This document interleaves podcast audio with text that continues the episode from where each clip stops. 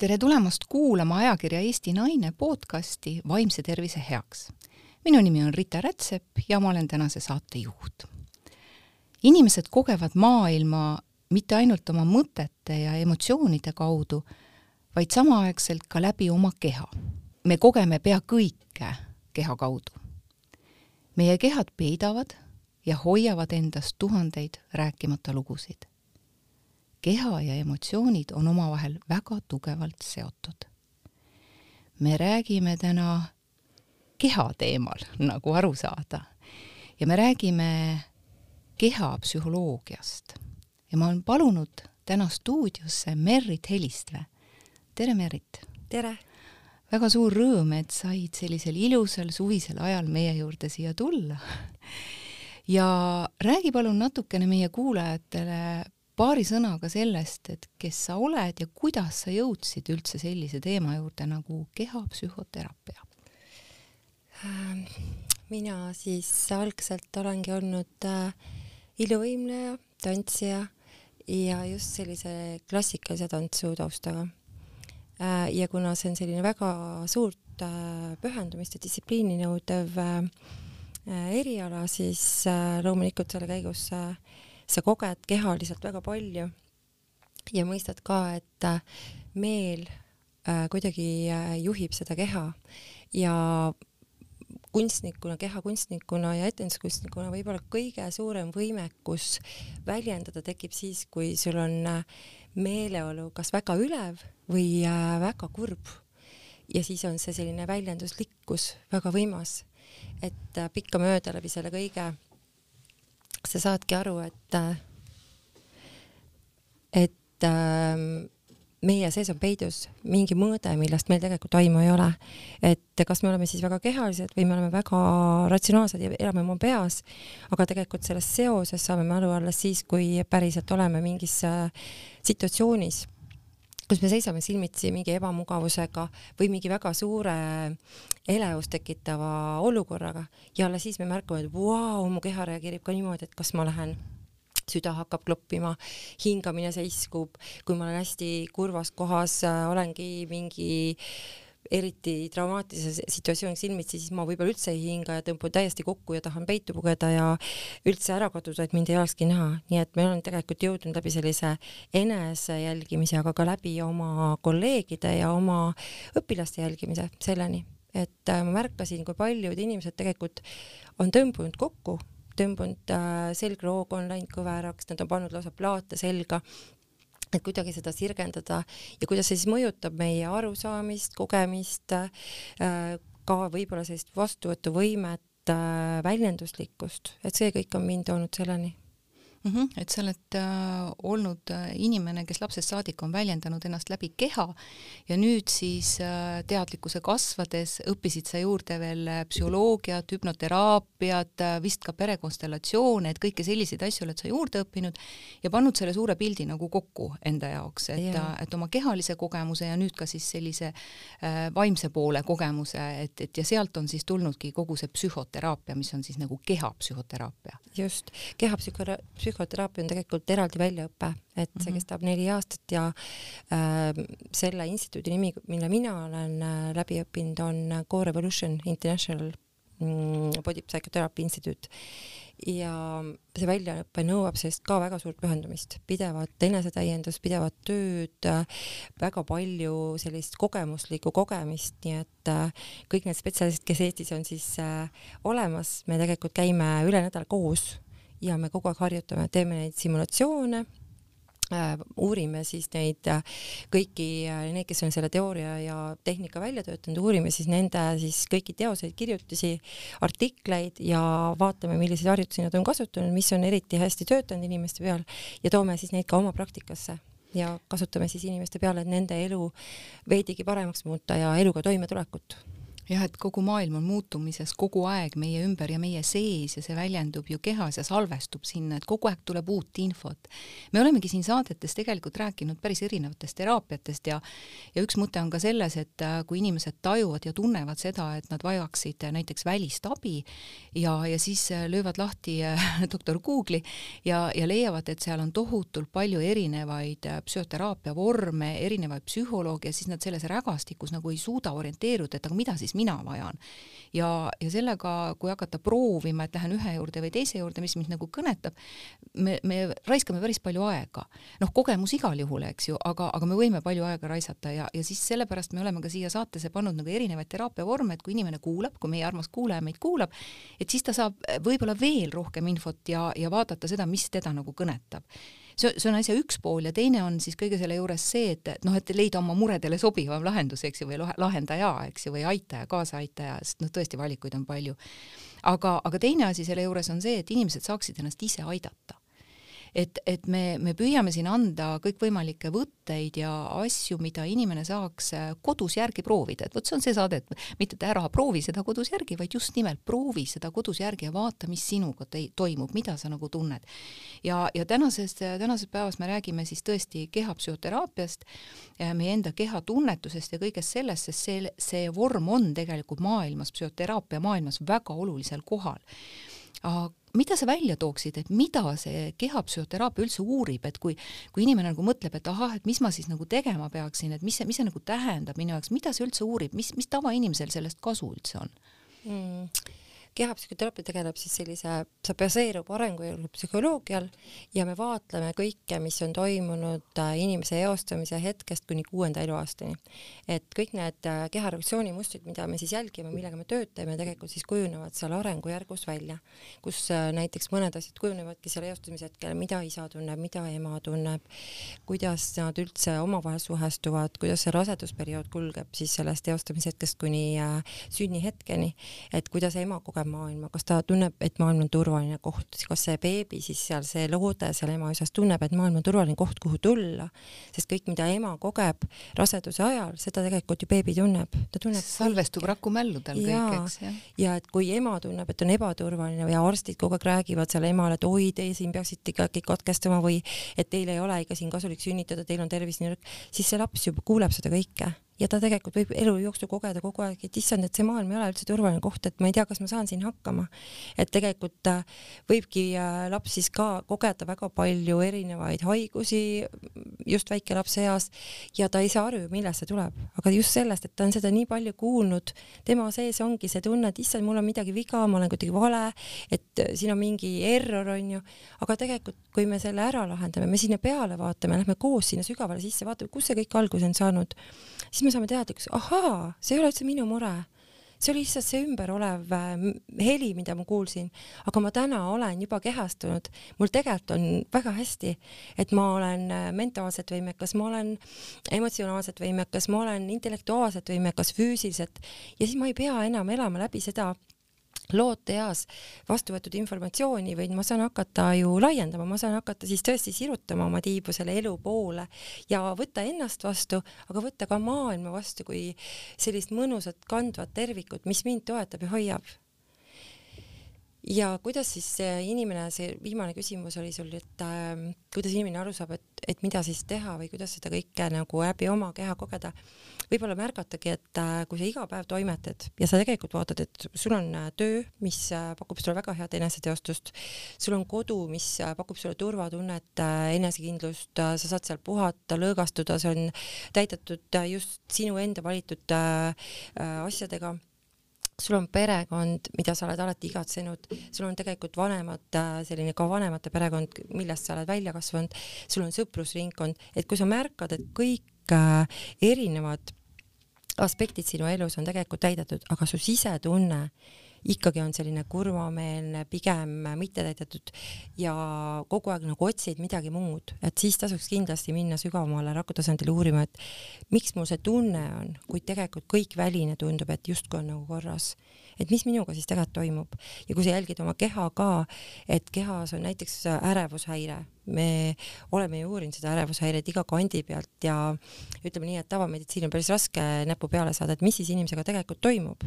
et äh, kui me läheme siis sinna sügavale sisse, uurime seda, mis on toimunud loote üheksal arengukuul, mis on toimunud nullist kuni kuuenda eluaastani, mis on toimunud eostamise hetkel, kas ema-isa on vabast tahtest armatsenud või isa on võtnud ema väevõimuga ja kuidas ma siis kogen seda juba kehastunud inimesena äh, siia maailma, et kas ma siis kogengi, et maailm on natuke nagu vägivaldne ja tõmbab võib-olla ka vägivalda ligi oma olemuse, käitumisega, provotseerin kogu aeg, lähen kuhugi jalutama ja kogu aeg märkan, et keegi tuleb minult mingit raha küsima või kuidagi üldse nagu läheneb liiga agressiivselt.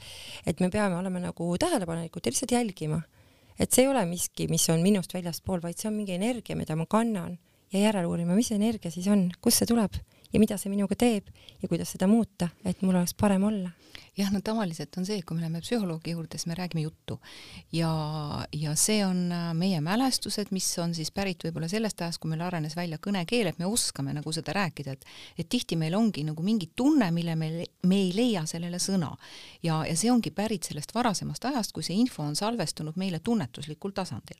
ja, ja nüüd ma saan aru, et, et kogu see kehaga töö, et me ei aja siin sega siis nagu segamini nagu kehatöö, tööd ja kehateraapiaid, vaid see on kehapsühhoteraapia et, et need on natuke erinevad nüansid ärme nüüd kuulajad vähe segadusse aga mõte on nagu selles, et, et see info, mis on minule sisse salvestunud, ma ei oska seda verbaalselt väljendada, aga ma saan oma keha liigutades nagu seda välja otsida sealt ja ma ei peagi leidma sellele sõnu, vaid ma lahendan selle liigutades ära. on see nii, et ma otsin nagu sealt sügavalt liikumisega nagu seda, et noh, kui mul õlad valutavad, siis ma ragistan neid niimoodi natukene, aga ma võin ragistada sealt välja ka mingi info, info, teadmata, mis info see oli.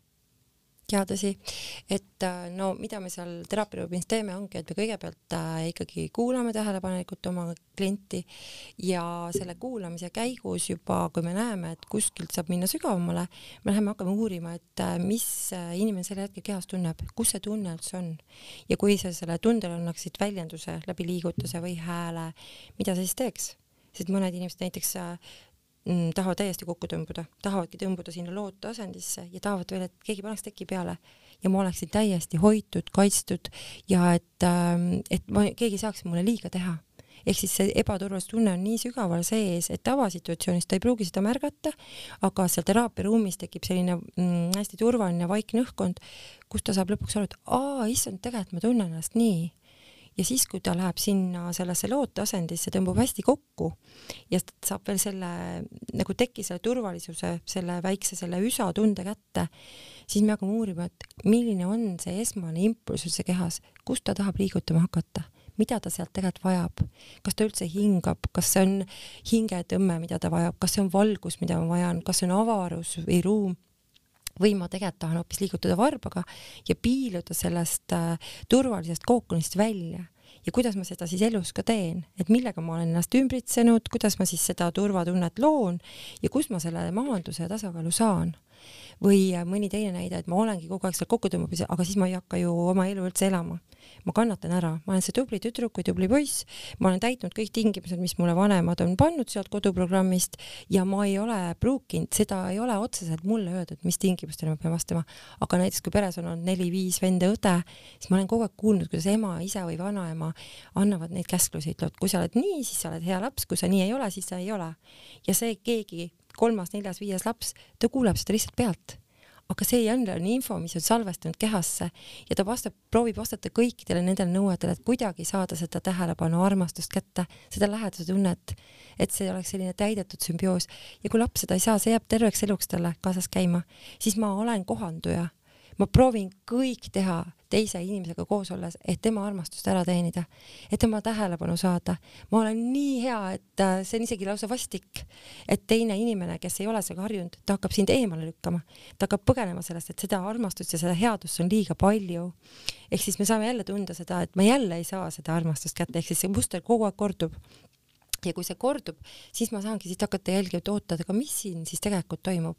sellel hetkel, kui ma annan seda armastust ja tähelepanu teisele nii palju, kus ma ise olen, siis ma tegelikult ju kaotan ennast ära. Ja sellel hetkel, kui ma annan selle teisele ära kogu selle fookuse, jätan ma ju enda fookusest ilma. Ehk siis kohe see ju peegeldubki selles käitumises, selles situatsioonis, kui mind jäetakse maha või mind lükatakse eemale, siis on see ju miski, mida ma teen iseendaga ma jätan ennast maha selle toetuse, armastuse ja läheduse nimel, mida ma loodan teiselt saada. aga seda ei saa kunagi saada, kui sa endale esimesena ei anna. et kui sa enda selle vajaduse täidad ära, et näiteks tunnengi, et vau, ma olen väsinud, minegi voodisse, mine lihtsalt leba, tee meditatsioon tund aega, kasvõi maga välja. kui sa tunned, vau, ma tahaks nii kellegiga minna kuhugi mere äärde loojangut võtta, siis lihtsalt mine õue mine hakka endale andma, vaadake seda loojangut, naudige, et sul on see võimekus näha, tunda, kuulda, kogeda. mine lihtsalt uksest välja. iga asja teostamiseks on vaja teha ainult kolm sammu. lihtsalt panen riidesse, tõusen voodist püsti ja astun uksest välja. nii lihtne elu ongi. iga, absoluutselt iga asja teostamiseks on vaja teha lihtsalt kolm sammu. aga me alati ootame välist impulssi ometi meis endas on see elu impulss, kui sa paned käe südamele, sa kuuled seda rütmi ja rütm on alati tukk, tukk, tukk, tukk, igaühel läbi teatud mingi sekundi järel. et kui sa kuulad oma rütmi ja hakkad selle rütmi järgi ennast liigutama, sul hakkab kohe parem. sa kohe saad ühenduse jah, aga eks me tahame vastata teiste rütmidele, et see on ju pärit ikkagi meie minevikust ja just nimelt see, et äh, tähelepanuvajadus, armastuse vajadus, tunnustuse vajadus eelkõige just sellest esmasest kiindumussuhtest ehk meie, meie vanematelt. ja see muster saadab meid alateadlikult, ehk tegelikkuses me, äh, me räägimegi siis sellest äh, kehapsühhoteraapiast just selles, selles kontekstis, mulle tundub, et, et kuidas need minevikulood mis meid kogu aeg nagu saadavad, et kuidas olla nendega siin täna ja praegu selles olevikus ja, ja kuidas läbi selle teadvustamise äh, kujundada välja oma tulevik.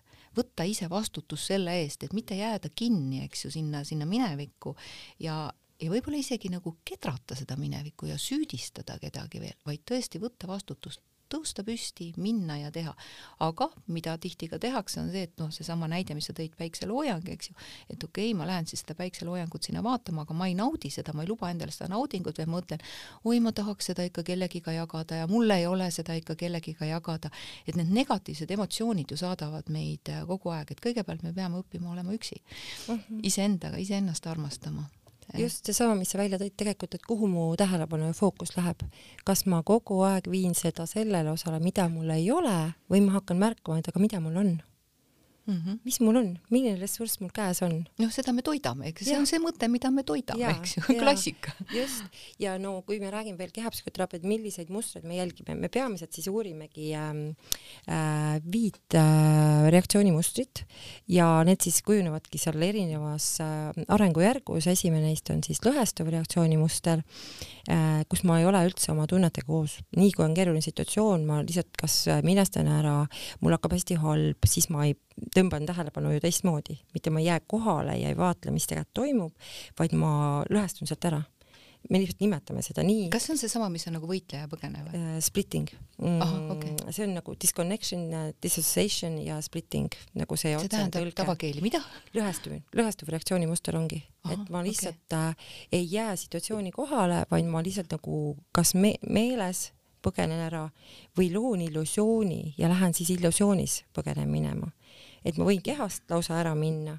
Või see on siis preverbaalne aeg ehk siis mm, selline mm, alla poole aasta imiku tunded, teda on siis tihti maha jäetud, üksi jäetud, emal olnud tihti kiire tänapäevases ühiskonnas ka kahjuks see digiajastu mõjutab seda, et tihti ema jalutab lapsega, laps vaatab emale kõigest ühest otsa, aga ema vaatab ju telefoni ekraani. isad ka. ja isad ka ja, et ega me ei, me ei räägigi, me võtame ema ja isa kui ikkagi nagu ühte perekonda, kelle peresse see laps on sündinud. et äh, kui emal ei ole silmi oma lapse jaoks, siis see lapsele võib juba olla väga traumaatiline kogemus. ta võib juba lapsest tekitada tunnet, et tegelikult mind ei nähta, mind ei ole olemas, mind ei olnudki vaja et ma lihtsalt olen siin kuidagi, et keegi ei pane tähele, kuidas mul on. sest ega see alla äh, no pooleaastane laps, ta ju saab ka kõigest aru, ta kogeb kõike tema ongi juba see, kes hakkab seal kohanduma ja seda armastust ära teenima. ta saab aru, et kui ta on rõõmus ja lahe, siis ema vaatab teda, et ta peab vigurdama seal ja, või ta siis kõige, kõigest väest äh, oma protestiga karjub. et ta lihtsalt äh, seni möllab, kuni ta saab selle tähelepanu kätte. ja see ei ole ju hea, tegelikult kehasse jääb ju see mälestus ta teab, et need kaks ongi varianti, kas ma siis veiderdan äh,, kasutan nii-öelda seda narri arhetüüpi, see nii väike laps ei oska seda nimetada, aga ta igal juhul loob selle toimetulekumeetodi ehk siis äh, meil ongi järgmine mm, muster on äh, tegelikult, mis on siis sellest edasi kujuneb püüdlev sümbiootiline, kus ma jälle ei saa tegelikult seda tähelepanu, et ema on, ta nagu hoolitseb, aga ta ei ole, ta kaob pidevalt ära kuhugi, eks ta läheb tööle, mind visatakse kuhugi maale vanaema juurde, kellegi juurde hoida, et emal on nii-öelda kogu aeg kiire, ta elab nagu oma elu edasi. Ja lapsel tekib kohe selline puudulik sümbioos, ta mõtleb kogu aeg, et oota nagu, et mis ma nüüd siis tegema pean ja sealt tuleb vot seesama meeldija meeldija selline mast meile, et me õpime väga hästi seda tähelepanu kätte saama, me teeme kõik selleks, et armastust kätte saada, nagu igal juhul. no see... aju ei tee ju vahet positiivsel ja negatiivsel ja, tähelepanul, et, et o, tähelepanu on tema jaoks tähelepanu ja, ja noh, ta ei anna hinnangut, et on see nüüd saadud kätte negatiivselt ja, või positiivselt. ta lihtsalt saab tähelepanu, tema jaoks tähelepanu ja ongi kõik, eks.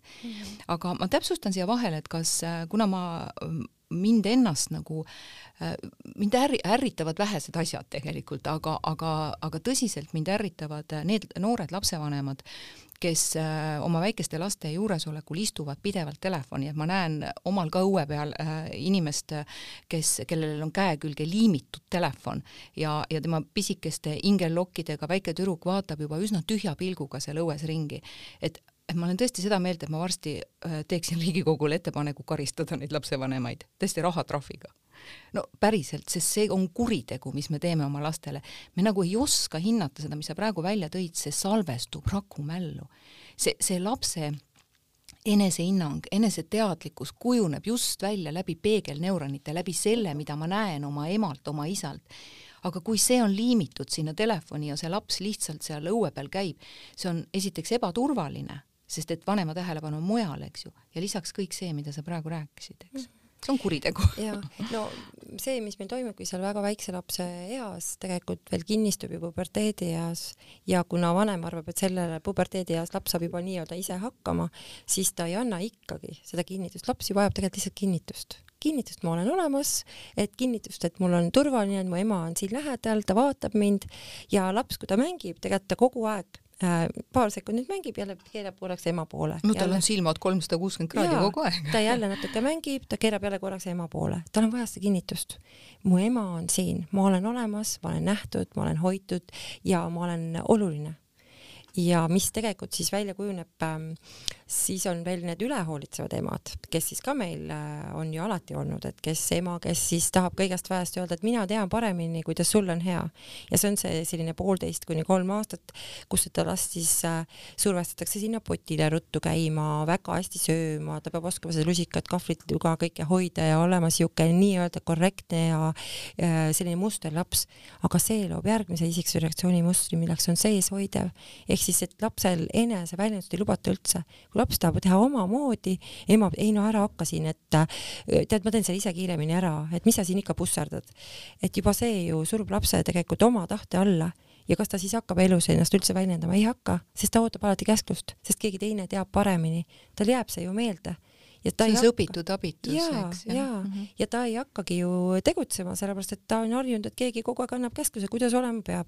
ja siis ta saab suureks ja järsku teda lükatakse näiteks äh,, oled olnud äh, teenindaja, öeldakse, aga nüüd sa oled vahetuse vanem, nüüd sa oled hoopis siin ettevõtte juhataja või mingi osakonna juhataja. Ja ta tegelikult kukub kokku, struktuur kukub kokku. Tal tekib ju kohe ärevus, et issand, aga äkki ma ei saa hakkama, kes mulle nüüd ütleb, mis ma tegema pean? Ja ma pean hoopis ise ütlema. Ehk siis ma pean hakkama ise nagu võtma vastutust kogu selle asja eest, mis siin toimub. ja inimestel tekib sellest väga suur paanika. Väga tihti paanika, ärevushäire all on ju tegelikult mingi situatsiooni muutus lihtsalt. kui me selle lahti kogeme, vaatame, mis seal siis tegelikult juhtus ja läheme veel sügavamale, et kust see kõik alguse on saanud, et kust ma siis selle tunde tegelikult olen omaks võtnud, siis me saamegi aru, et aa, see tuleb sealt kohast.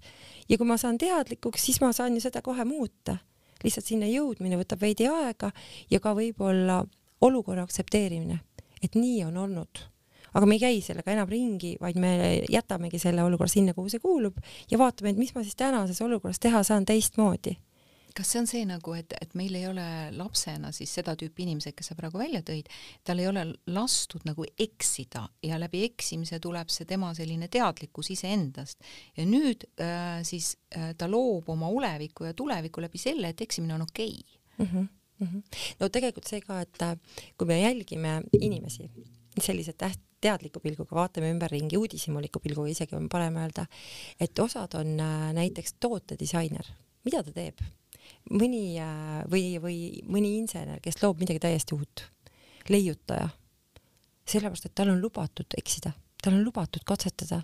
Tal on lubatud olla üleni porine, savine, äh, saada särtsu, katsetada, proovida, avastada, kogu leidlikkust kasutada. Ja, ja ta on saanud seda loovust arendada väiksest peale. et see on ka üks variant, et vaata, see ema ei ole sekkunud kogu aeg ühtpidi meile tundub, et ema äkki sekkub liiga palju, teistpidi jälle ei sekku üldse. aga seal vahel peab olema kuskil see tasakaal. kui laps tunneb turvaliselt ka selles nii-öelda katsetamises, siis ta ju saab selle terveks eluks. ta julgebki proovida, teha teistmoodi. ja siis ta ei kopeeri kedagi, vaid ta ongi see leiutaja. ja me leiutistest naudime ju rõõmu iga päev. Kui neid inimesi ei oleks, kust meil siis kõik need uuendused tuleks? et kas me lubame oma lapsel ja ka endal olla see leiutaja, avastaja, säilitame selle uudishimuliku lapse meele, et teha teistmoodi ja see lapselikkus ja lapselik meel võiks saata meid kogu aeg iseenesest, eks. aga, aga väikelapse eas tõepoolest anda, anda kätte need pliiatsid, paberid, ma mäletan, kuidas ma oma lastele lükkasin maha äh, tapeedirullid ja nad võisid, võisid seal peal olla käpuli jalgadega käte ja siis ma tean, kuidas üks, äh, üks proua mulle ütles, et issand jumal, aga ta määrib seinad ära. ma ütlesin, no ei määri ja mis seal vahet on päeva lõpuks. et, äh, et just nimelt lubada teatud piirides, et panemegi piirid ette, et no seina peale sa ei lähe, eks ju, oma asjadega, siin põrandal võid kõike teha et, et just nimelt seda, seda enda katsetamise tunnet ja seda usalduse tunnet, et ma võin proovida, siis ma tean, kust lähevad minu piirid, mis on minu võimekus ja sealt tuleb ka eneseusaldus. jah ja vägagi. ja siis äh, no muidugi nüüd need äh, kolm mustrit, millest ma siin just rääkisin, on ju, need on siis need sellised ähm, trauma ja kriisimustrid, aga no mida siis laps õpib sealt, mida ma olen ka juba maininud, et kuidas me siis selle tähelepanu kätte saame, loomulikult sealt tulevad siis sellised toimetulekumustrid, mis on siis jäik ja ülalhoidev. kui laps äh, on pidevalt siis äh, maha surutud, tema tahe maha surutud, mis ta teeb? ma tõstan ennast sellest situatsioonist kõrgemale, eks ma lükkan rinna ette ja ma sirutan kaela pikaks, ajan selja hästi sirgu, tõmban põlved krampi ja ma nagu olen selles situatsioonis üle, ma saan hakkama, ma teen ära, ma lähen nagu selle vihaga läbi. aga tegelikult äh, selle asemel, et seda viha siis nii-öelda projitseerida väljapoole, et ma olen nagu võimas ja tugev, see ülalhoidva siis selline eriti äärmuslik variant ongi see nartsissist kes arvab, et mina tean, mina olen kõige parem, ma olen vapsi kõva mees või kõva naine, onju, ja ma domineerin igas situatsioonis, et äh, seda energiat, mis me sinna siis paneme enda struktuuri ülal, ülalhoidmiseks kehasse, onju, me saaksime tegelikult ju kasutada loomiseks. et ega see vihaenergia on ju väga võimas energia. me saame sellega kas luua või lammutada tasukski tähele panna oma elus, et kas ma, kuidas ma kasutan seda, kui mingi olukord ajab mind väga närvi, selle asemel, et närvi minna ja pahutseda ja vihastada kellegi peale, vaata lihtsalt enda poole, mis sa selle energiaga teha saad. kuhu ma saan selle rakendada, et see olukord minu jaoks läheks paremaks, et minu elu muutuks sellest paremaks ja kas ma saan tuua selle meeletu leekiva siis sellise agressiooni energia hoopis millegi loomiseks kui sa selle energia paned millegi ülesehitamiseks, iseenda ülesehitamiseks, oma mingi võimekuse tõstmiseks, lugemiseks mingi tegevuse arendamiseks, mõtle, mida sa oled võimeline looma. Selle asemel lihtsalt vihastada, enda närvisüsteemi kurnata, nutta, trampida, kedagi teist läbi sõimata, kellegi peal ennast välja elada korraks lihtsalt peatu, hinga sügavalt sisse ja mõtle, vau, mul on siuke energia kättesaadav, mu süda tegelikult pulbitseb, mu keha on nagu metsikult seda energiat täis, mul nagu pilluks sädemeid üleni. mis ma sellega teha saan? kus ma nüüd sellega lähen ja mida ma olen võimeline üles ehitama? ja kui sa ei saa ka kohe seda rakendada, kirjuta üles, mida sa tegelikult tahad, mida sa tahaksid luua, millest sa puudust tunned, sest kui me läheme närvi ja vihastame ja pettume kelleski, siis meil on alati eeldused ja ootused väljapoole. aga pööra see enda poole, vaata, mida sina saad teha selleks, et sinu elu oleks täna parem. kuidas ma lähen sellesama jõu ja võimsa energia pealt siis äh, tegutsema? mis see samm on, mida ma tahan astuda?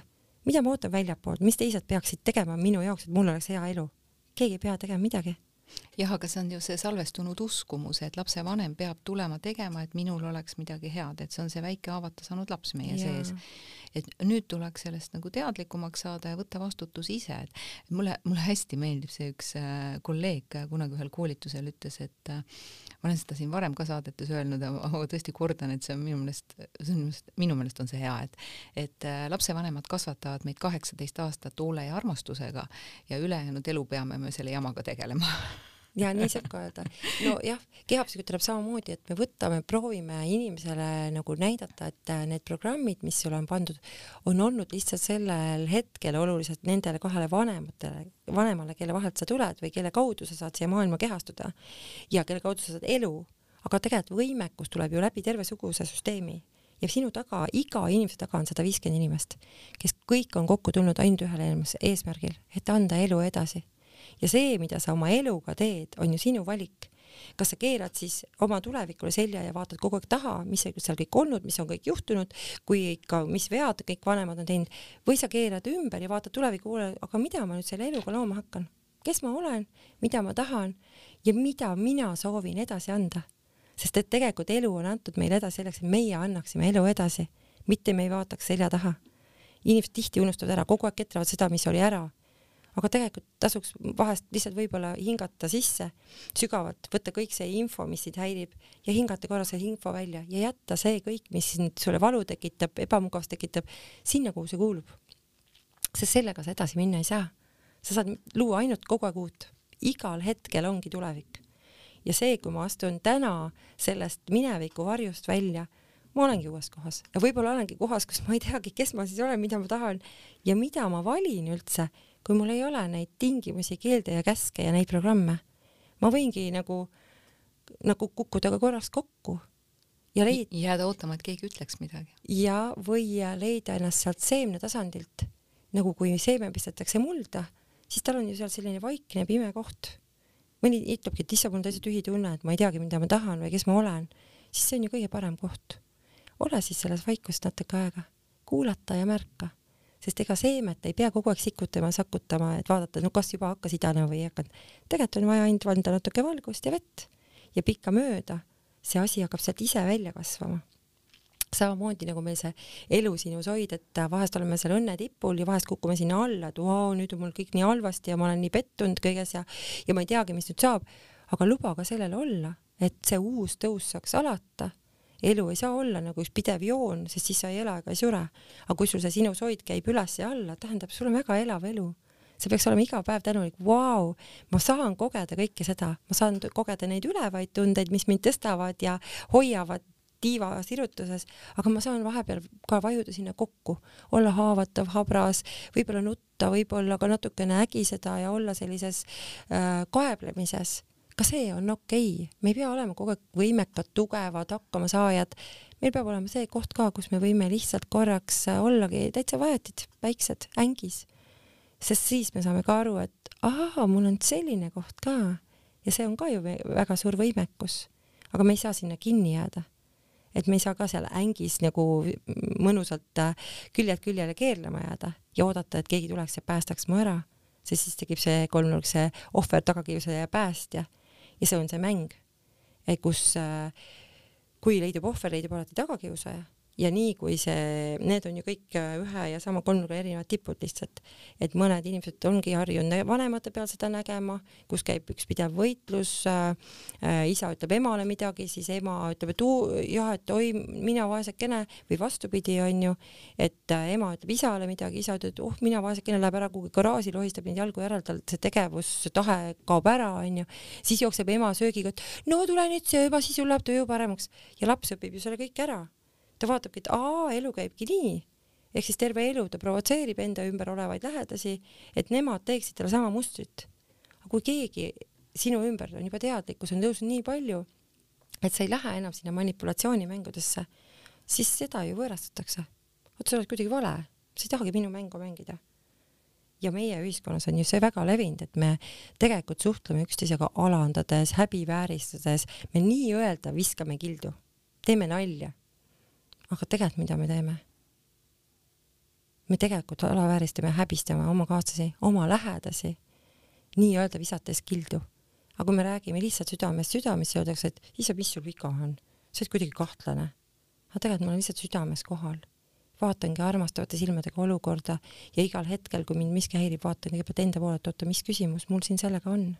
kus ma siin ennast olen ära kaotanud, miks ma tema peale oma viha või pahameele üldse suunan et kuidas ma tõmbaksin tähelepanu tagasi enda poole ja märkaksin, et mida mina teen ise, et minu kaaslane või minu ümber olevad inimesed hakkavad käituma teatud viisil ja see hakkab mind häirima. et siis, kus ma ise teen tegelikult seda, mida nii-öelda nemad mulle peegeldavad, seesama peegelneuron, mis sa enne välja tõid, et tegelikult ju kõik, mida me näeme, on ju meie peegeldus. nii et siis vaatleme natuke enda ümber, mida ma näen, mida need inimesed peegeldavad ja loomulikult see ülitundlikkuse mõõde, mis siin meie ühiskonnas on ka praegu hästi valdav, et äh, me kõik kogeme hästi palju äh, tundeid, äh, millel me ei oska seletust anda, et kust need tulevad. aga me oleme ju hästi tundlikud, et kui sa korraks kasvõi sügad oma pead ja kuule, kui sa paned tähele, kui kõvasti sa kuuled seda, siis kujutad ette, kui kaugelt sa oled võimeline informatsiooni vastu võtma. see on sada, sadu meetreid sinust eemal see info, mis hakkab sinuni tulema, ehk siis iga inimene, kellega sa oled lähikontaktis, tema energia mõjutab sinu olemist. ja kui sa oled kogu aeg sellises õhkkonnas, kus sul on alandamine, häbivääristamine, selline pidev äh, süüdistamine äh,, põhjuste otsimine väljapoolt, siis loomulikult me kõik saame sellega pihta me hakkame samamoodi rääkima ja käituma ja otsime põhjusi väljapoolt, selle asemel, et korraks pidurdada, oot-oot, kas kas see tegelikult puudutab mind, seesama, mis ma enne rääkisin. kui ma vaatan kõik oma elu aspektid üle, ma vaatangi, et mul on katus, mul on söök, mul on äh, sõbrad, mul on eneseteostusvõimalus ja mul tegelikult on hobid, äh, ma armastan mingeid tegevusi ja, ja väljendan ennast ja lähen teen. aga kuidas ma siis nii saan tunda, et kelle tunne see üldse on? küsida küsimusi endalt. kelle tunne see on? mille sees ma elan? Ja eks äh, lapsed ju õpivad läbi mudelite, et läbi selle, mitte nende sõnade järgi, vaid selle järgi, mida ta näeb ja vastavalt oma vanusele ta siis tegelikult salvestab siis selle informatsiooni, et vastavalt vanusele ja vanusest tulenevalt teadlikkusele, eks ju.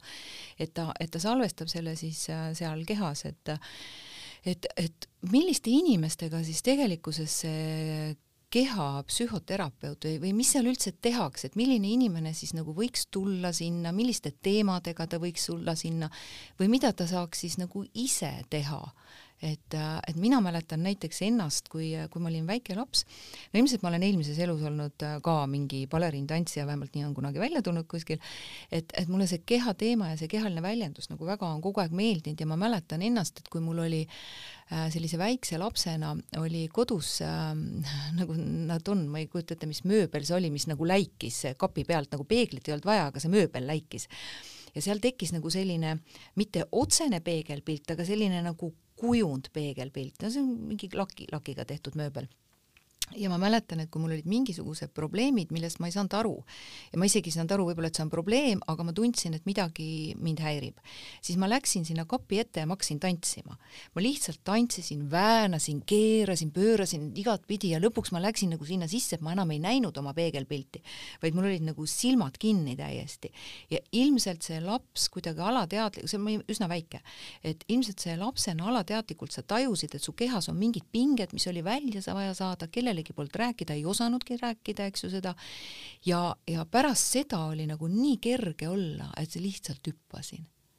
Et, et ilmselt see on kõik nende väikeste laste kõik need füüsilised asjad, mida nad teevad, on see, et ta tahab selle pinge sealt kehast välja saada aga, aga noh, ma nüüd ei arva, et kõik võiksid peegli ette väänlema minna, eks ju, aga aga tegelikult hommikuse sellise võimlemisrituatsiooni või, või rituaali võiks ju teha täiesti sellise mõnusa tantsuna, eks ju, iseenda sees, et saada see unepinge välja või mis iganes. aga et, et kui me võtame praegu siin meie, meie kuulaja, kes meid nüüd kuulab, et tal on võib-olla tekkinud juba mingisugused seosed, ahah, et minu, minul on vot seda tüüpi käitumine või see salvestus või see teema, et mida me saaksime praegu meie kuulajale öelda, et missuguste inimestega tegeldakse, noh ilmselt ei ole inimest, kellel kõik oleks hästi, et noh, ilmselt mitte, eks ju, aga et mida ta saaks ise teha või, või kui ta peaks nagu tulema, mida tähele panna või mida sa praegu oskaksid neile nagu mhm. öelda sellel teemal? no kehapsühhoteraapia, mida me äh, siis teeme, kui inimene esmakordselt tuleb, kõik inimesed on oodatud, absoluutselt kõik vanused, kõik erinevad inimesed äh, praegusel hetkel isegi minu juures käivad näiteks kolmteist, viisteist, ka sellises vanuses noorukid juba äh, ja tavaliselt need lapsed on just, just nagu vanemate sellisest äh, kaitseväljast nagu välja astumas. ja loomulikult ma paneks alati siis vanemate südamele, et äh, kui teie laps, te näete, et lapsel on vajadus minna psühholoogi või psühhiaatri või psühhoterapeudi juurde, siis tasuks minna ise ka uurima, mis meie peres tegelikult toimub, mis minuga toimub, mida minu laps väljendab minu ees. Sest et tihti ikkagi intervjueerides ja rääkides ja vesteldes nende lastega tuleb välja, et neil on lihtsalt läheduse puudus, väga suur tähelepanu ja läheduse puudus, tunnustuse vajadus, vanemad äh, tihti ei taha tunnistada endale, et nad võiksid enda poole vaadata ja siis see laps tegelikult hakkab väljendama seda, tema hakkab seda läbi elama. kõike seda, mis peres toimub, laps elab läbi ja väljendab, et see saaks nähtavaks vanematele ja millest ma tahtsin rääkida, on just see, et me loeme tegelikult kehastruktuuri. iga selle reaktsioonimustri all on teatud lihaskokkutõmme, teatud luu äh, siis muutus ja kuidagi see luuehitus, kuidas see siis kujuneb seal arengujärgus, et tegelikult inimese nagu selle äh, keha hoiaku järgi me saame juba lugeda, millist reaktsioonimustrit ta kannab endas. et kas on selgroog kõverdunud, kas tal on küfoos, kas tal on ordoos, kas tal on sisse kokku vajunud rind, kas tal, kuidas tal kõik see lõualuu on arenenud, kas ta on pidevalt hoiab hambad risti ja kas ta hoiab hinge kinni või näiteks sisse hingab julgelt, aga välja ei hinga üldse, väga pinnapealselt. kõige selle järgi saab juba tegelikult infot lugeda, et mis siis on tegelikult nagu juhtunud. inimene ei pruugi osata seda väljendada, aga kui me toome tähelepanu sellele ja, ja vaatame ka seda keha hoiakut lihastruktuuri, kas on näiteks väga arenenud reied, väga võimsad puusad, et siis me võime koheselt öelda, et ahaa, siin on seeshoidev reaktsioonimuster, et kuhu see on koondunud, see lihas, selline pinge ja kooshoidmine. Või on näiteks äh, eendunud, ette vajunud õlad, äh, süda on hästi sisse tõmbunud, luustik on lausa arenenud niimoodi, et sa näed, on see kerge ülaseljaküür, et siis on see selline laps, kes ei ole seda tähelepanu saanud, tal on, on nii suur kokkutõmme toimunud, et see ongi see püüdlev sümbiootiline või lõhestuv. Ja lõhestuv on tavaliselt ta on nii kiduraks ja väikseks ennast tõmmanud, küünarnukid ligi keha, tal on väga raske üldse näiteks käsi sirutada üles ta ei tulegi selle peale, et ta võiks üldse elu poole sirutuda, ta pigem kannatab elu ära. ma tõmban nii kokku, ma tõmban nii väikseks, et siis mind ei ole isegi näha. et siis ma kuidagi nagu olen nagu peidus, ma olen varjatud ja mul on turvalisem et äh, me saame nagu läbi kehastruktuuri väga palju lugeda, et kui inimene ikkagi näeb, et ta on terve elu äh, teatud mingit moodi äh, kokku tõmbunud ja tal on kuskilt valutab roiete vahele mingi valu, arstide juures on uurinud, midagi ei leita, et kindlasti, kui ma näen, et mu kehas on midagi, tasuks minna uurida kõigepealt arsti juures. Ja kui arstid ütlevad, ei, et tegelikult on kõik okei okay,, et lihtsalt sinu keha kuju on selline, eripära on selline, siis võib-olla tulla juba pikkamööda kehapsühhoteraapiasse vaatama, et mis mind nii kokku tõmbab, mis minuga siis juhtunud on, et mu meeleseisund on mind ühel hetkel nii kokku tõmmanud ja mul on ta väga raske sealt hakata üldse sirutama välja, et julgeda lükata abaluud seljade kokku, sirutada rind lahti, kael õieli, pea püsti ja minna julgelt seda elu vastu võtma ja mõnikord äh, mõned äh, kliendid, seal on kõikides erinevate vanusest kliente äh,, väga teadlikud on praegu sellised kakskümmend, kolmkümmend sinna vahele, kõik need kakskümmend üks, kakskümmend kaks, kõik, kes äh, või keskkooli lõpp ka või gümnaasiumi lõpu lapsed, et neil on see teadlikkus nii kõrge ja eneseuurimise huvi nii kõrge tänapäeval, et nad kõik tulevadki vaatama, et aga miks mul siit kuskilt valutab, miks mul see käsi siin ei taha liikuda äh,, mida ma siis üldse tahan oma elust, kes ma olen kui ma ei lähe seda programmi mööda, mida mulle dikteeritakse. ja mul on ülihea meel, et äh, need kõik need aastad viimased, äh, kaks tuhat neliteist ma alustasin oma praktikaga äh, ja mm, siin Eestis ja selle aja jooksul mõned inimesed on mul lõpetanud ülikoolid, läinud magistrisse, lõpetanud juba magistrit, saanud cum laude ja tõesti nad väljendavad seda rõõmu ja tänu. Nad on põhimõtteliselt kõik see, millest nad on olnud unistanud ja minu ees rääkinud, kõik see on hakanud teostuma ja seda on nii suur rõõm kuulda, et me ei tegele ainult vigade otsimise ja selle parandamisega, vaid me hoopis äh, tegeleme teadlikkuse tõstmisega nendest olukordadest, mis on olnud ja me uurime hoopis välja selle inimese potentsiaali mis on see sinu potentsiaal, sinu isiklik mõõde, kus sinu süda pulbitseb rõõmust ja sa saad täiega ennast teostada. et mida me uurime, me uurimegi seda, et mis on selle inimese isiklik võimekus, potentsiaal ja kuidas seda siis oma elu jaoks rakendada. et need on nagu sellised äh, sügavad alateadlikud uskumused, mis meie sees on siis see kehapsühhoteraapia tegeleb siis nende vabastamisega, teadlikkusega iseendast, selle kasvatamisega ja leida see oma tee, julgeda selles ise kulgeda, noh, eks see nõuab ka vastutamist, eks ju. absoluutselt, see on kõige tähtsam, see, mis sina enne välja tõid, see vastutuse võtmine igal eluhetkel oma elu eest, ma arvan, et see on äh, üks peamine võti, kogu selline teraapia võti et kas ma võtan vastutuse, kas ma aktsepteerin olukordi nii, nagu nad on või elan pidevalt äh, kujuteldavas illusioonis. ja kui ma elan kujuteldavas illusioonis, siis mul on kogu aeg eeldused ja ootused, kuidas elu peaks olema ja ma ei taha reaalsust võtta sellena, nagu see on. no jaa, aga uskumused kujundavad tegelikult ju terve inimese elu, eks ju. ja kui me saame nendest uskumuse või mõttemustritest teadlikumaks, äh, siis, äh, siis meil on valik, et kas, et ahah, nii on ja nii jääbki või et oot, stopp ei, ma ei taha, et nii jääb. ma, ma kujundan ise oma elu, ma ei pea vaatama, vastama kellegi ootustele või, või mida iganes, eks ju. et ma saan aru, et kõigest sellest saab, sellest saab inimest aidata, kui ta on valmis abiks, nagu ikka yeah.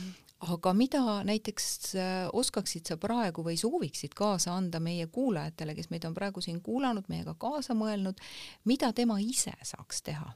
Näiteks kodus, mida ta saaks teha, mina pakun tõesti välja ka selle, et, et ärka hommikul üles ja natuke, natuke lihtsalt tunneta oma keha ja väänle ja venita, et vot täna tahan teha seda harjutust ja täna tahan teha teist harjutust ja mitte see, et mul on kogu aeg üks programm ja vot seda ma pean tegema ja vot raiun nüüd seda, eks ju. muidugi, kui sulle meeldib iga hommiku teha viit tiibetlast või nii edasi, eks ju, see on väga okei okay,, aga tunneta seda, et oota, täna hommikul on natuke teistmoodi see tunne, eks ju, et, et noh, saa kontakti sellega, et aga mida, mida sina nagu pakuksid välja, mida inimene saaks teha, ükskõik, on see, on see siis äh, mingi suurem äh, ärevuse teema, konkreetne juba meditsiiniline teema või mis iganes või, või lihtsalt enesetunde teema, et mida, mida ta saaks teha kodus?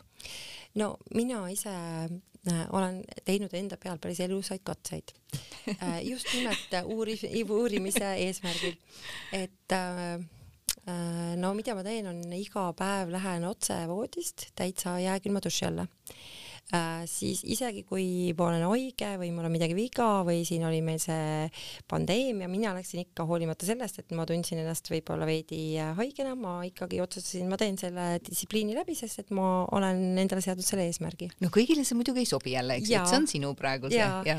aga lihtsalt, et inspireerida. siis ma ükskord kuulsin töö juures, ma töötasin ühes suures kollektiivis, kui ma veel käisin äh, reklaami- ja turundustööl äh,, siis ma kuulsin kogu aeg, seal oli kakssada inimest, et äh, inimesed rääkisid, mm, et nad ei saa üldse õues käia, neil ei ole aega. ja ma otsustasin, et okei okay,, kuidas ma leian aja, kui ma käin tööl, ma käin koolis ja mul on veel trennid ka, et saaks sinna õue minna. siis ma tegin aasta aega sellise väljakutse endale, ma läksin iga päev tööle ja töölt koju jala. see tegi äh, neliteist kuni kakskümmend viis kilomeetrit päevas, üks aasta hoolimata ilmast. ja see tõstis mu teadlikkust väga palju. see oli mega, ma sain teada oma kehalisest võimekusest, ma sain teada, mis ilm väljas on, ilma telefoni vaatamata. ma sain aru, kuidas mu keha reguleerib äh, temperatuuri, minu enda temperatuuri millal mul tegelikult hakkab külm, millal ma vajan rohkem katte, kehakatet, millal ma saan vähemaks võtta äh,, kuidas mu liikumiselundkond üldse töötab ehk siis sellise äh, mingi distsipliini sisseseadmisega su eneseteadlikkus juba tõuseb väga palju. Et sa saad endast teadlikuks, kui sa hakkad midagi tegema. Ja sa ei pea tegema seda iga päev, mine lihtsalt näiteks iga päev või kolm korda nädalas, viis korda nädalas, tee äh, selline kahekümne minutiline ring. Kuskil maja lähedal, ärka see kakskümmend minutit varem üles, enne lapsi, enne tööle minekut. Ja mine lihtsalt kõnni üks ring vaata, kuidas päike tõuseb, vaata, missugune see valgus on, nuusuta seda looduse lõhna. Äh,, too endasse mingi muu mõõde, mis sind hakkab äh, üleval hoidma, kui sa lähed sellesse tavarutiini, just enne seda. sest et kui sa oled seda teinud, endale lubanud selle aja, siis su kogu äh, selline tegevuse kvaliteet muutub. sa annad endast rõõmuga välja energiat ja sa võtad ka rõõmuga vastu ja kui sa peale tööd leiad ka endale selle pool tundi, tund aega, kus sa tegelikult lähed, ainult oled enda jaoks, kasvõi mõnikord lihtsalt lähedki, paned mati maha, lebad, teed meditatsiooni, sa võid panna vaikse muusika, sa võid panna juhendatud meditatsiooni. kui sa jääd ka selle jooksul magama, see on ka täiesti okei okay., ju siis su kehal on seda vaja. sest üks hea asi on, mis kehapsühhoteraapia alati kordab, et äh, keha ei valeta mitte kunagi. sa tunned keha järgi ära, mis sa tegelikult vajad. aga teda tuleb kuulata jaa. mitte maha suruda, vaid kuulata. jaa, et äh, keha ju väga selgelt annab märku sulle assingutega, annab füüsiliselt märku, kui sul kuskilt valutab, siis mitte ära jää istuma ja ootama, et valu üle läheks, vaid mine hakka liigutama. Sedasama kohta. mine tee talle pai, mine masseeri natukene, mine kõnni natukene õues, too sellesse kohta värsket hapnikku oma verre läbi liikumise, äh, vaata üle oma, üldse kehast rääkides me peamegi vaatama põhiressursid üle, mis on siis toitumine, liikumine ja uni et kas ma annan neid kõiki piisavalt oma kehale, et mis see vajadus päriselt on, minu isiklik vajadus ja et sa ei pea mõtlema ja võrdlema ennast kellegi teisega. ühel inimesel on üks vajadus, aga teisel on hoopis teine. ja kui ma annan neid põhiressursse endale, siis igal juhul mu eluvõimekus paraneb. aga me tegelikult ikkagi väga palju tegeleme selle mahasurumise, kas teadliku või, või mitteteadliku, aga mahasurumisega ja, ja ükskõik, meie kehas on kõikidel on traumaatilised sündmused, mälestused on kuskile info, infona ju salvestunud ja, ja kui me neid pidevalt maha surume, siis see on ju informatsioon. me surume meisse salvestunud informatsiooni maha, aga ta lõpuks ikkagi nõuab seda väljendust. ja see väljendus võib olla siis kas füüsiline või vaimne haigus, võib-olla täiesti tavaline peavalu, kõhuvalu äh,, unetus, väsimus, mida iganes, aga ta on ikkagi mingisugune info äh,, mida me oleme alla surunud ja ta otsib seda väljendust siis läbi vot sellise äh,, sellise teema ja, ja, ja siit võib-olla äkki, kui inimesed on näiteks tajunud pidevalt peavalu või, või pidevat väsimust ja nii edasi, et siis tuleks nagu üle vaadata, võtta, mitte seda alla suruda, et võtan kohvi, võtan energiajoogi, võtan tableti sisse, vaid pigem on see, et tõesti, nagu sa ütlesid, et äh, viska korraks pikali, saa kontakti selle kohaga, mis sul valutab, küsi, mis sa mulle öelda tahad. ja, ja, ja tee midagi mm. -hmm mine sellest ruumist välja, äh, see ei ole põgenemine, vaid just nimelt, et püüa ennast ise aidata oma kehaga rääkides on nii? mulle meeldib väga see, mis sa praegu välja tõid, et mõnikord meil ongi kuskilt on nii suur ebamugavus ja mingi sümptom, just füüsiline sümptom, et äh, võib-olla kehal ongi vaja kokku tõmbuda mine võtagi see lapse asend, võtagi see beebi asend, mine väänlegi kasvõi põrandal maas, sa tunned näiteks läheduse puudust füüsilist, siis esimene kontakt, mis sa saad ju mõelda, et ahaa, pane korraks silmad kinni, mõtled, et ma hakkan tunnetama, kuidas näiteks õhk puudutab mu keha, kuidas riided puudutavad mind, kuidas mu jalad-allad näiteks puudutavad maad, kui ma viskan pikali, kuidas mu, millised kehaosad üldse on näiteks põrandaga kontaktis. Ja kuidas see põrand ju ka tegelikult hoiab ja toetab sind. et äh, ma olen hästi suur kontaktimpro selline austaja ja mm, praktiseerija, siis see kontaktimprovisatsioon annabki mulle selle mõõtme sellest puudutusest. see, mida me igatseme kõik, lähedus, puudutus, hoitus, toetus, et mine loo see kontakt esimesena sellesama maaga, seinaga, mine pane ennast millegi vastu, võta iseendal kätega ümbert kinni korraks, kasvõi käsivartest, õlavartest, emba ennast ja ütlegi, et vau, ma nii armastan ennast ma olen hea. no me ootame seda kõike väljaspoolt ja nii nagu me siin ka rääkisime, et see on see, mida me ootasime oma vanematelt kuida-, kunagi, eks ju. ja, ja, ja see on see puudus, mille all me siis tänasel päeval kannatame, et paku seda iseendale. jah et armasta iseennast, sealt saab ikka kõik alguse. ja mina veel soovitaks, võib-olla väga hea on äh,, kellel iganes on võimalus kätte saada Spotify või mis iganes muusikakanal äh,, Kundaliini Rising on selline lugu kus sa saad hakata ennast lihtsalt väristama. seda kindlasti, paljud inimesed on kindlasti sellest kuulnud ja juba teinud, praktiseerinud, aga lihtsalt, et äh, kuidas loomadki äh, raputavad pingeid kehast välja, nad nagu võbelevad, ehk siis need on sellised tahtele allumatud kehareaktsioonid, aga me saame seda ka tahtlikult teha. me saame hakata lihtsalt keha raputama, väristama, äh, tõesti visata kehast välja ja mõnikord ka häälega, anda sellele juurde hääle ehk siis mingi hääliku, mis iganes su kehast tahab tulla, et sa lubadki sellel näiteks sellesama sümptomil, mis iganes kõhuvalu, peavalu, kaelavalu, kui sa oled tõesti kõik äh, professionaalid läbi vaadanud, käinud, kui sul kael või selg valutab, sa ei saa peadki pöörata, mine vaata, kus on kiropraktik kõige lähem, pane endale aeg, mine käi oma selgroog ja kaelalülid kõik läbi, las ta sätib selle kõik paika et äh, sul oleks hea olla oma kehas. Ja kui need kõik on äh, tehtud läbi, siis sa saad juba vaadata, et ahaa, ikka veel on kuskil midagi, mida ma nüüd sellega edasi saan teha, et me saame kogu aeg ennast toetada, kui me suuname tähelepanu enda poole jah, aga kui me läheme sinna kiropraktika juurde, mis on väga hea, eks ju, ta paneb meid paika, aga kui me iseendaga ei tegele, siis läheb see jama jälle samasse, samasse nii-öelda voolu tagasi ja me läheme jälle kiropraktiku juurde ja nii edasi, et, et seal vahepeal peaks olema ikkagi see vastutus enda eest, et et kui me liigutame oma keha muusikasaatel, mitte muusikasaatel, äh, mõnusalt liigutame, toimetame, siis me paneme ju energia liikuma, et kõik meie probleemid on ju blokeerunud energia. jaa ja, ja, ja see keha liigutamine, see keha tunnetus, üks asi on see teadlikkus ja teine on see energia voolavus selle juures. jaa, no ma viingi läbi iganädalaste grupi sellist äh, sessiooni ka äh, teraapilist, et äh, need inimesed, kes sinna kogunevad, tegelikult äh, no ütleme niimoodi, et äh, ikkagi hästi kõrge teadlikkusega inimesed tulevad ja julgevad ennast liigutada äh,. keskmiselt inimene ikka natukene tahaks jälle häbivääristada või kuidagi anda hinnangut sellele tegevusele, et oo oh,, mida nad seal kargavad või mis nad seal rabelevad. see on et, ju ka selline jah, nagu iseenda nagu, hirmude jah, eest nagu pugenemise. tunne ja häbi ja, ja. ja hirm ja mis seal kõik on, onju, ja kuidas ma seda siis mm, nii-öelda alla surun, onju, selle asemel minna ja proovida.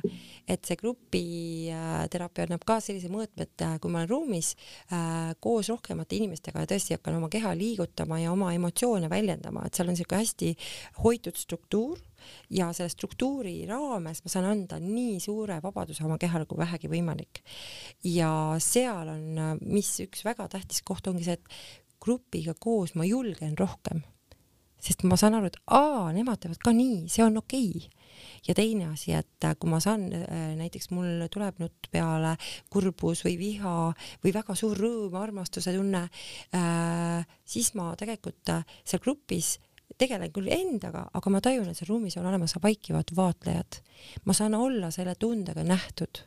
Ja teraapiaruumis samamoodi, et ma saan lubada endale kõiki emotsioone, seda haavatavust ja ma saan olla selle haavatavusega nähtud.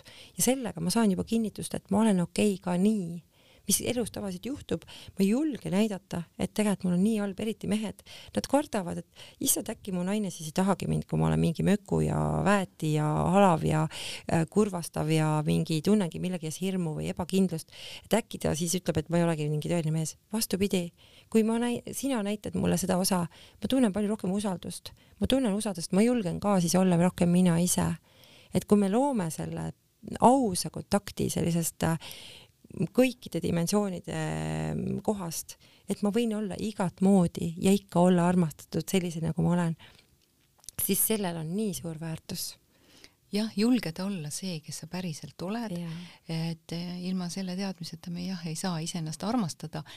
Ja, ja võib-olla lõpetuseks nagu kokkuvõttes on just see, et, et kuulata oma keha, julgeda seda väljendada äh, ja, ja lasta see energia liikuma, et et see on see teadlikkus, mida me, mida me saame luua, et siis ei teki ka selliseid asju, et me läheme ennast füüsiliselt või vaimselt kellegi peal välja elama ja, ja saame sealt selle hea tunde, vaid just nimelt see mõnus liikumine iseenda sees annab selle, selle tasakaalu meile.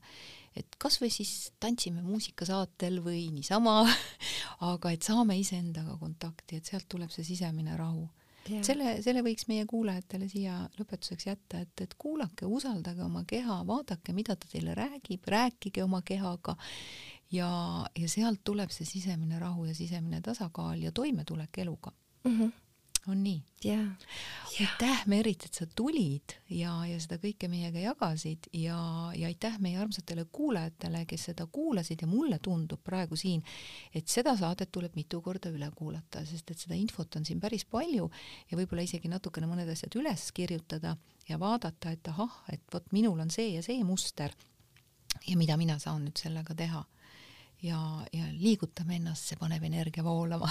Täpselt, äh, et meie keha on ju nagu loodud liikumiseks. Ja kui me kasvõi natukene seda liigutame, meil on ju kehas palju parem olla nii et paneme energia liikuma, anname verre hapnikku, sida rõõmustab kõigest väest ja meil ongi hea olla. nii et äh, super, nii lihtne elame elavat elu rõõmuga oma kehas. just nii, aga, aga kõike head eh, kõikidele, eh, ka sulle ja, ja järgmiste kohtumisteni. ja aitäh, aitäh kuulajatele, aitäh sulle kutsumast, aitäh.